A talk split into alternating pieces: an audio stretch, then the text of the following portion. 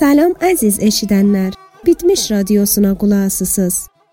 İnşallah ki bizim biriminci epizodumuzdan xoşunuz gəlibdi.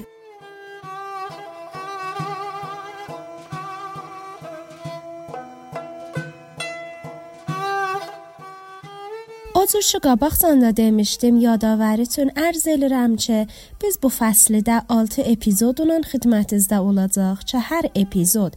ای چفت دادم بیر تارشم بلر منتش رو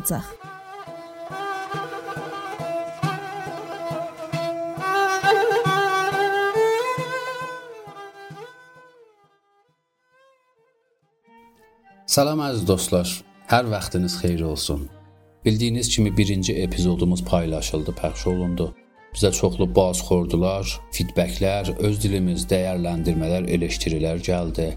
Əvvələn buna çox sevinirik ki, bərnaməmizin ərziş nəqdi var, yəni vaxt qoyub cəmaət bu bərnaməyə nəqd və önəri yazır. Buna çox sevinirik. Və o nöqteyi ki, bu nəqdlərin içində çox gözə çarpırdı, çox vurğulanmışdı. Bu idi ki, nədən e, bir bərnaməyi ki, türkcədir və türk boylarından və əfsanələrindən danışılır. Bunun təbliğatı və ya anonsu farsı yazılır.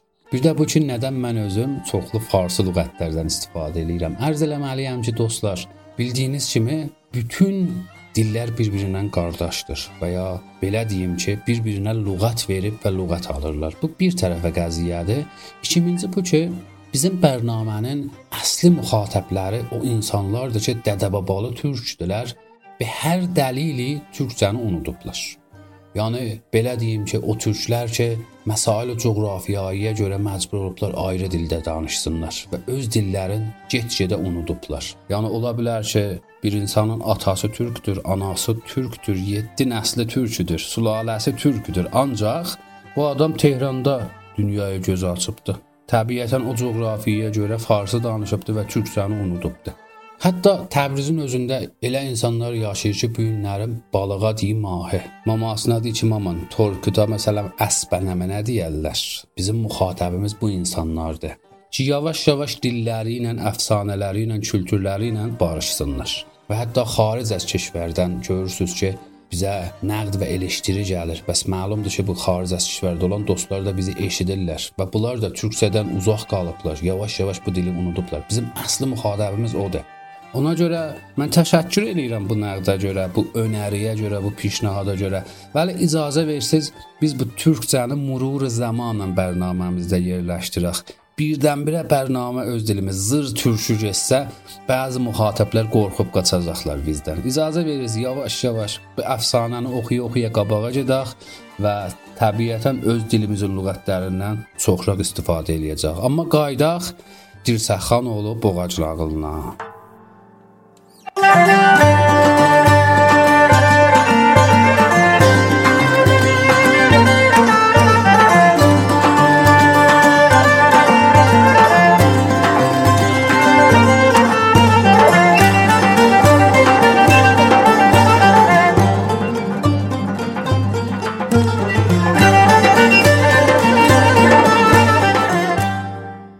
Dastanımızı qaldığı yerdən idamə veririk. Ancaq təbq rival bərnamə mən əvvəlcan bugünkü qismətin xülasəsini ərz edeyim xidmətinizə. Bəli, Dirsəx xan xatınının sözünə qulaq asır, onun dediklərinə əncam verir. Bir müddət sonra xanım hamilə olur, bir oğlan doğur, oğlanı tapşırırlar dayələrə. Oğlan böyüyür, 15 yaşına çatır. Bu arada yaz bayramıdır. Yaz bayramında Bayındır xanın sarayında cəşn bərqərar olar. Yenə də bu cəşn bərqərar olur. Dirsəxxan və oğlu da bu cəşnə dəvətlidirlər. Bayındır xanın cəşnində boğa döyüşdürürlər. Cəmaət baxır bu boğaların döyüşünə və ləzzət aparır. Boğaları gətirirlər meydana, gətirə-gətirə boğaların biri zəncirin qırır və Dirsəxanın oğluna tərəf həmlə eləyir. Dirsəxanın oğlu da o ləhzə Dostları ilə bahəm bir quşədə aşıq oynayırdıq. Dostları qoyub qaçır, ancaq Dirsəx xanın oğlu yerindən tərpəşmir. Boğa ona çatan zaman onunla başlayır mübarizəyə. Bədəs keşməkeş eləyə bilir. Boğanı şikəst verə. Cəmaət, bəylər, xanlar bu səhnəni görür. Mato məbhut qalır, deyirlər çağırız gəlsin Qorqud dədə bu oğlana ad qoysun. Qaydaq mətnimizin ruhanısına.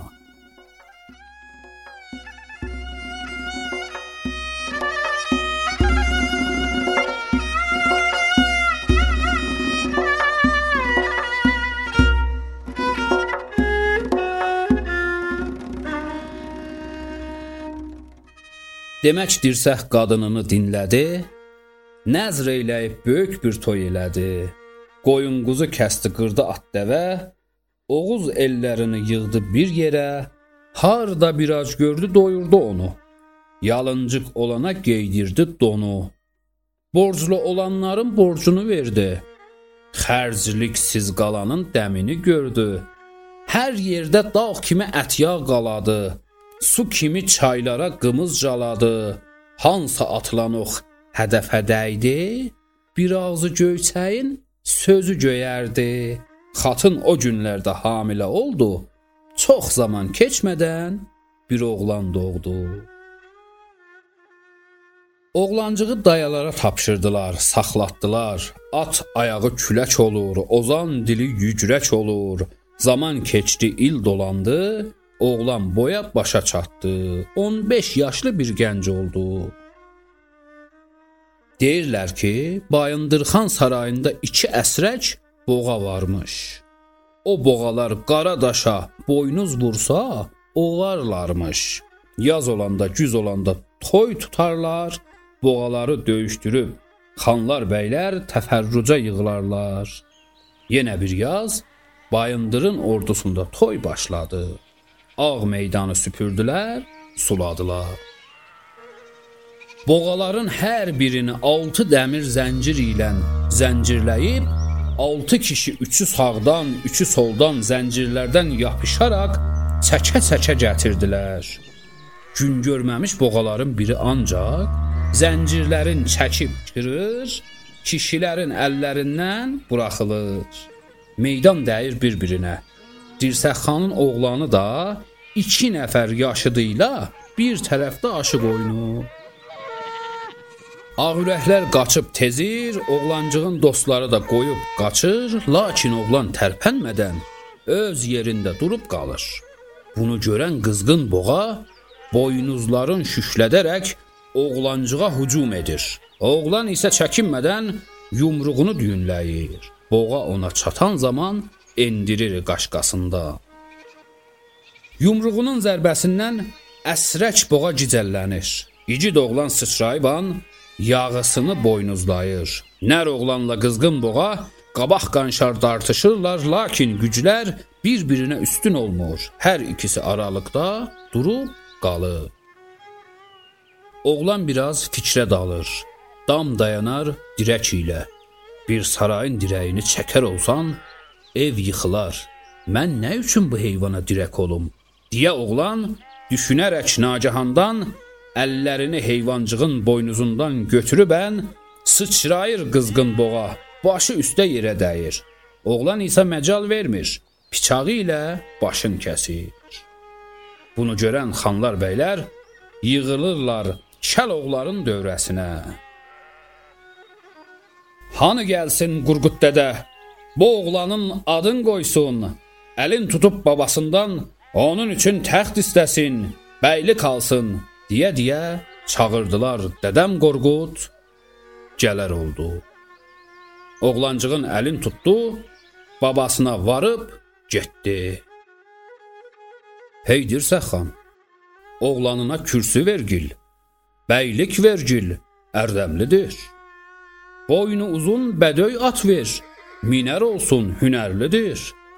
Ağayıldan tümən-tümən ağ qoyun ver. Bu oğlana şişlik olsun, ərdəmlidir. Qatar-qatar dəvə vergil. Qoy oğlana yüklət olsun, hünərlidir. Qızıl qubba çadır vergil. Bu oğlana kölgə salsın, ərdəmlidir. Çiyini quşlu cübbə vergil. Qoy bu oğlan ciyər olsun, hünərlidir. Ağ meydanda boğa basıb Onun adı Boğac olsun. Adını mən qoydum. Yaşın Tanrı Taala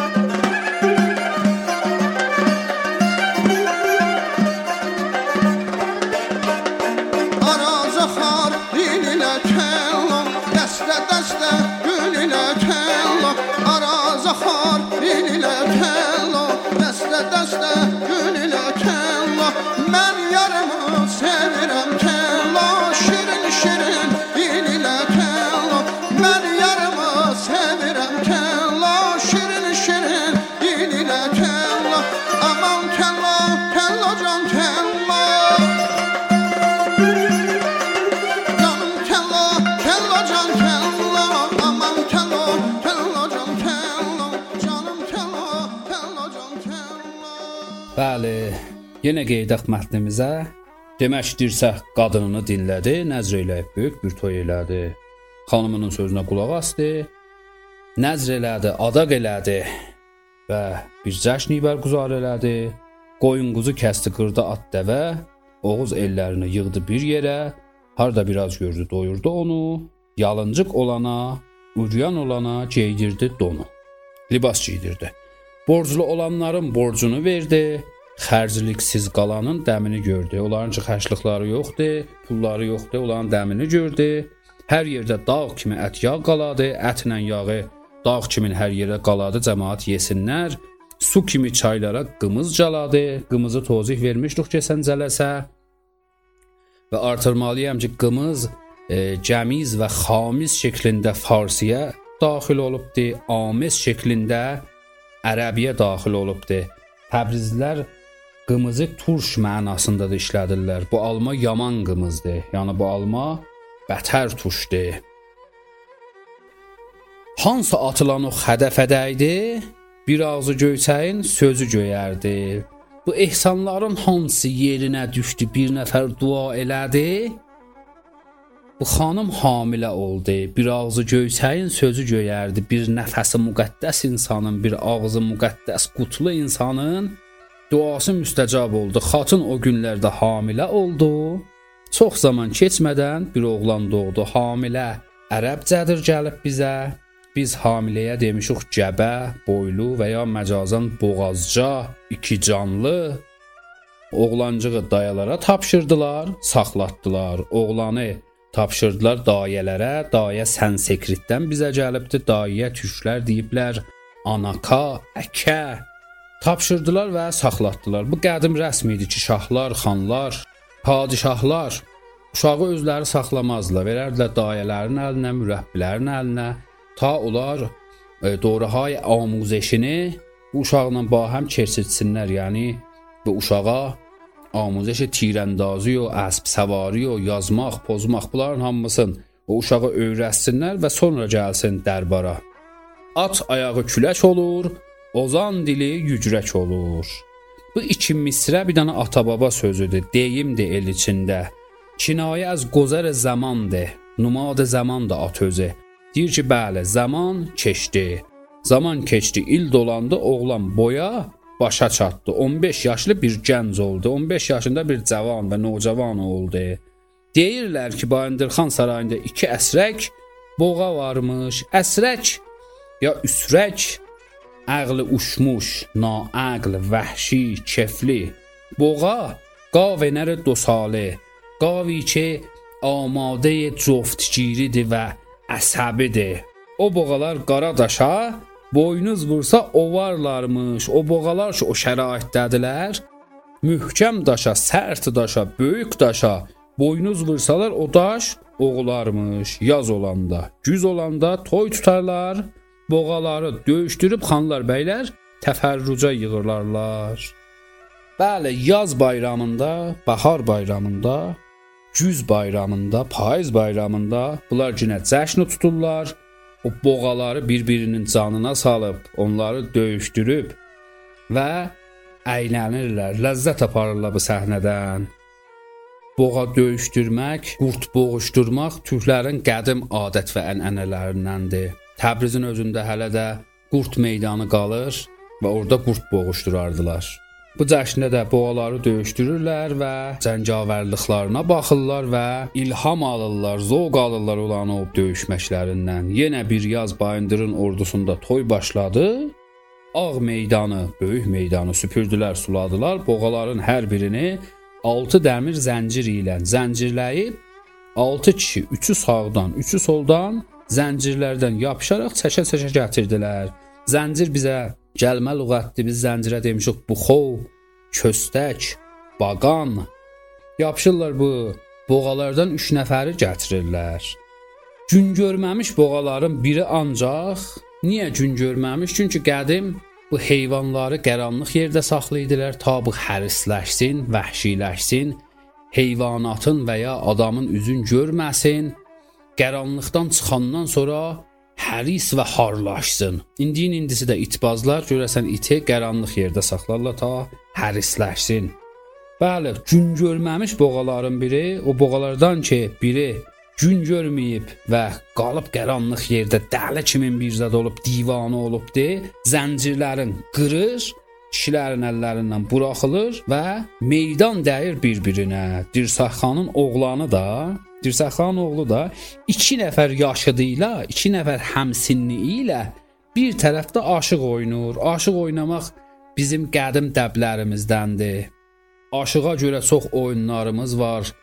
Hər demək olar ki, hər heyvanın özünün aşığının adı vardır. Məsələn, inək aşığına deyirlər donqa, qoyununkuna deyirlər səqqə, keçinkinə deyirlər cübbə və və və və. Ancaq bu aşığın özünün də hər cəhətinin bir adı var bizdə. Alçı, toxan, cik, bök, omba, uc hər cəhətinin bir adı var. Ağürəklər qaçıb tezir, onlar ki, ağürəkdilər, qorxaqdılar, tərsudular, qaçıb tezir. Hər asan qaçırlar, təzmək, tezmək. Oğlancığın dostları da qoyub qaçır. Lakin oğlan tərpənmədən öz yerində durub qalır. Oğlan heç hərəkət eləmir, öz yerində qalır, qorxmur. Bunu görən qızğın boğa Bu səhnəni, bu oğlanı görən əsəbi dəli boğa boynuzların şüşlədərək, boynuzların amadəyə vurmaq eləyərək oğlancığa hücum edir. Bu oğlana həmlə eləyir. Oğlan isə çəkinmədən heç qunə hərəkət eləmədən yumruğunu düyünlər. Yerində durur amma yumruğun amadəyə vurmaq eləyir. Boğa ona çatan zaman endirir qaşqasından. Yumruğuna qoyur düz heyvanın alnının arasından qaşqa. Qaşqa bir dənə ağ ləkədir ki, heyvanatın, bexsus atın və ya inəyin alnının ortasında olur. Ancaq məcazən alnına da heyvanın deyirlər elə qaşqa. Qaşqa qəşqə şəklində Farsiyə də daxil olubdu, ancaq onlar qəşqəni be mənay ləkçə tirəyi qədər pişani heyvan است işlədirlər. Bərəksi biz ki biz ağ ləkçəyə deyirik fəqət. Bəs vurur dəqiqən alnından, yumruğunun zərbəsindən əsrək boğa, dəli boğa gicəllənir. Elə möhkəm vurur. İgid oğlan sıçrayban, oğlan ba haləti cəhiş atılır, yağısını boynuzlayır. Yağısını yanı düşmənini, yağı yanı türk dilində düşmən. Bizdən fars dilinə də gedibdi, amma orada bənvanı düşmən işləmir. Yağı orada bənvanı şurişgər, sərkərdə işlənilir ki, iştibah bir mənidir. Bəs yağısını boynuzlayır, bu başı ilə vurur bu heyvandan, nər oğlanla qızğın boğa, nər sifətdir ki, burada bu oğlana verilibdir. Yəni ərşək, güclü, qəvi oğlanla dəli boğa qabaq qanşar rubəru, üzbəüz dartışırlar, bir-birini dartırlar, savaşırlar, döyüşürlər, lakin güzlər bir-birinə üstün olmur. Lakin Ancaq amma bunların gücləri bir-birinə qalib gəlmir, bərtər olmur. Nemi çərbi hər ikisi aralıqda durub qalır. Oğlan biraz fikrə dalır, öz-özünə fikirləşir. Deyir ki, dam dayanar dirək üstə. Bir sarayın dirəyini çəhsən, ev yıxılır, saray yıxılır. Mən niyə bu heyvana dirək olum? Bunları deyə-deyə birdən əllərini heyvanın boynuzundan götürür, heyvan sıçrayıb başı üstə dəyir yerə. Oğlan isə macal vermir, piçağı ilə başını kəsir. Piçaq ki, şəkl əvvəliyyəsi biçəkdir, biçmək feilindən murur zamanla biçək olub biçaq, piçaq və bu gün işlədir o. Bu səhnəni görən xanlar və bəylər kəl oğlanı, güclü oğlanı dövrə, dövrələyirlər Çağırırlar, deyirlər, "Hanı Qorqud dədə, gəlsin bu oğlanın adını qoysun." Bəh bəh, oğlanın 15 yaşı var, hələ adı yoxdur. Bu qeydir biz türklərin adət və ənənələrinə, sünnətimizə ki, türklər ta zamanı ki uşaqlarından bir hünəri, bir xarqul-adə, bir qeyri-addi hərəkət görməsəydilər, o uşağa ad qoymazdılar. Atasının adı ilə səslərdilər. Hüseyn oğlu, Həsən oğlu, Kəlbə Mahmudun oğlu, Məşədi Qasımın oğlu. Ta bu oğlan bir özündən hərəkət nişan verərdi, o hərəkətinə uyğun bu oğlana bir ad qoyardılar. Bəs deyirlər Dədə Qurqud gəlsin, bu oğlanın adını qoysun. Atasından bu oğlana təxt istəsin, bəylik alsın. Deyə-deyə çağırdılar Dədəm Qorqud gələr oldu. Dədə Qurqud gəlir, oğlancığın əlindən tutur, babasına tərəf gedir. Görək nə deyir? Hey dirsə xan, oğlanına kürsü vergil. Bəylik vergil ərdəmlidir. Cil burada vəçə intizamdır. Ver. Ver görək. Gərək verəsən bu halətdə. İçində bir balaca arzu da var əlbəttə. Deyir ki, buna kürsü ver. Kürsü AKD bir lüğətdir bizə gəlib. Təxt ver bu oğlana. Bəylik ver, dərəcəyə bəylik ver buna. Boynu uzun bədöy at ver. Bidav şəklində gəlibdi bizim e, mənbələrimizdə. Bidav qaçan at və boynu uzun olsun, yaxşı cinsdən olsun ki, bu oğlan minsin, hünəri var. Hünər bizə gəlmədi, yenə Sanskritdən gəlibdi. Ərz eləyim Ağayıldan tümən-tümən ağ qoyun ver. Ağayıl Böyük Hisardan, tövlədən 10 min, 10 min buna qoyun ver, ağ qoyun ver, bu oğlana şişlik olsun. Burada iki daha lüğət var. Ağ ayıl, e, beşəklə ağol gedi farsıda işləyir bu günlərim. Şişlik cinə ilə şişlik surətində farsıda işləyir. Biz şişliyə sükləncu da demişik. Və əgər qoyunu bütün halətdə bişirsən heyvanı, yəni kəsməyəsən, elə bütünü ilə bişirəsən, doğramayasan ötürəsən ocağın içinə, təndirin içində pişə. Buna tühlər deyiblər asabqur. Deyib bəli, a qoyun ver bu da oğlana şişlik olsun, kəssin, yesin, totuqlansın. Qatar qatar dəvə vergil qoy oğlana yüklət olsun. Baxız üstə deyim minik olsun, burada deyir ki, yüklət olsun. Yüklət yəni bari, heyvanı bari olsun, yük heyvanı olsun, hünərlidir. Qızıl qubba çadır vergil, bir çadır ki, qubbası qırmızı rəhdədir. Onu ver bu oğlana ta buna kölgə salsın, ərdəmlidir. Ərdəm, yəni fəzilət, ləyaqət. Ərdəmli sahib ləyaqət və fəzilət. Deyib oğlan ərdəmlidir. Niyə ki boğa vurub öldürübdü. Çini quşlu cübbə vergil. Bir libas və xələt ki sərduşusu var. Quşu var çininin üstündə. Qoy bu oğlan ciyər olsun. Qoy bu oğlan giysin, hünərlidir. Ağ meydanda, ağ, qara. Bizim bəzi rənglərimiz var ki, təhcə rəng məfhumunda işləmir. Bəmənay cəhətlər də işləyir və bəmənay bozorq da işləyir. Burada ağ böyük mənasındadır. Ağ meydanda, böyük meydanda boğa basıb, boğanı basıb öldürüb. Onun adı boğac olsun. Əsatirdə də gəlib bu cür mövzular. Bir mübariz vaxtı öz ziddini öldürür, o öldürdüyü heyvanın və ya şəxsin adını elə alır özünə. Çünki boğanı öldürübdü, bəs elə buna deyirlər Dədə Qorqud bunun adını qoyur boğac. Çünki boğanı basıb öldürüb. Adını mən qoydum, yaşın Tanrı Taala özü versin. Çox sağ olun, çox var olun. Bizim Şirvan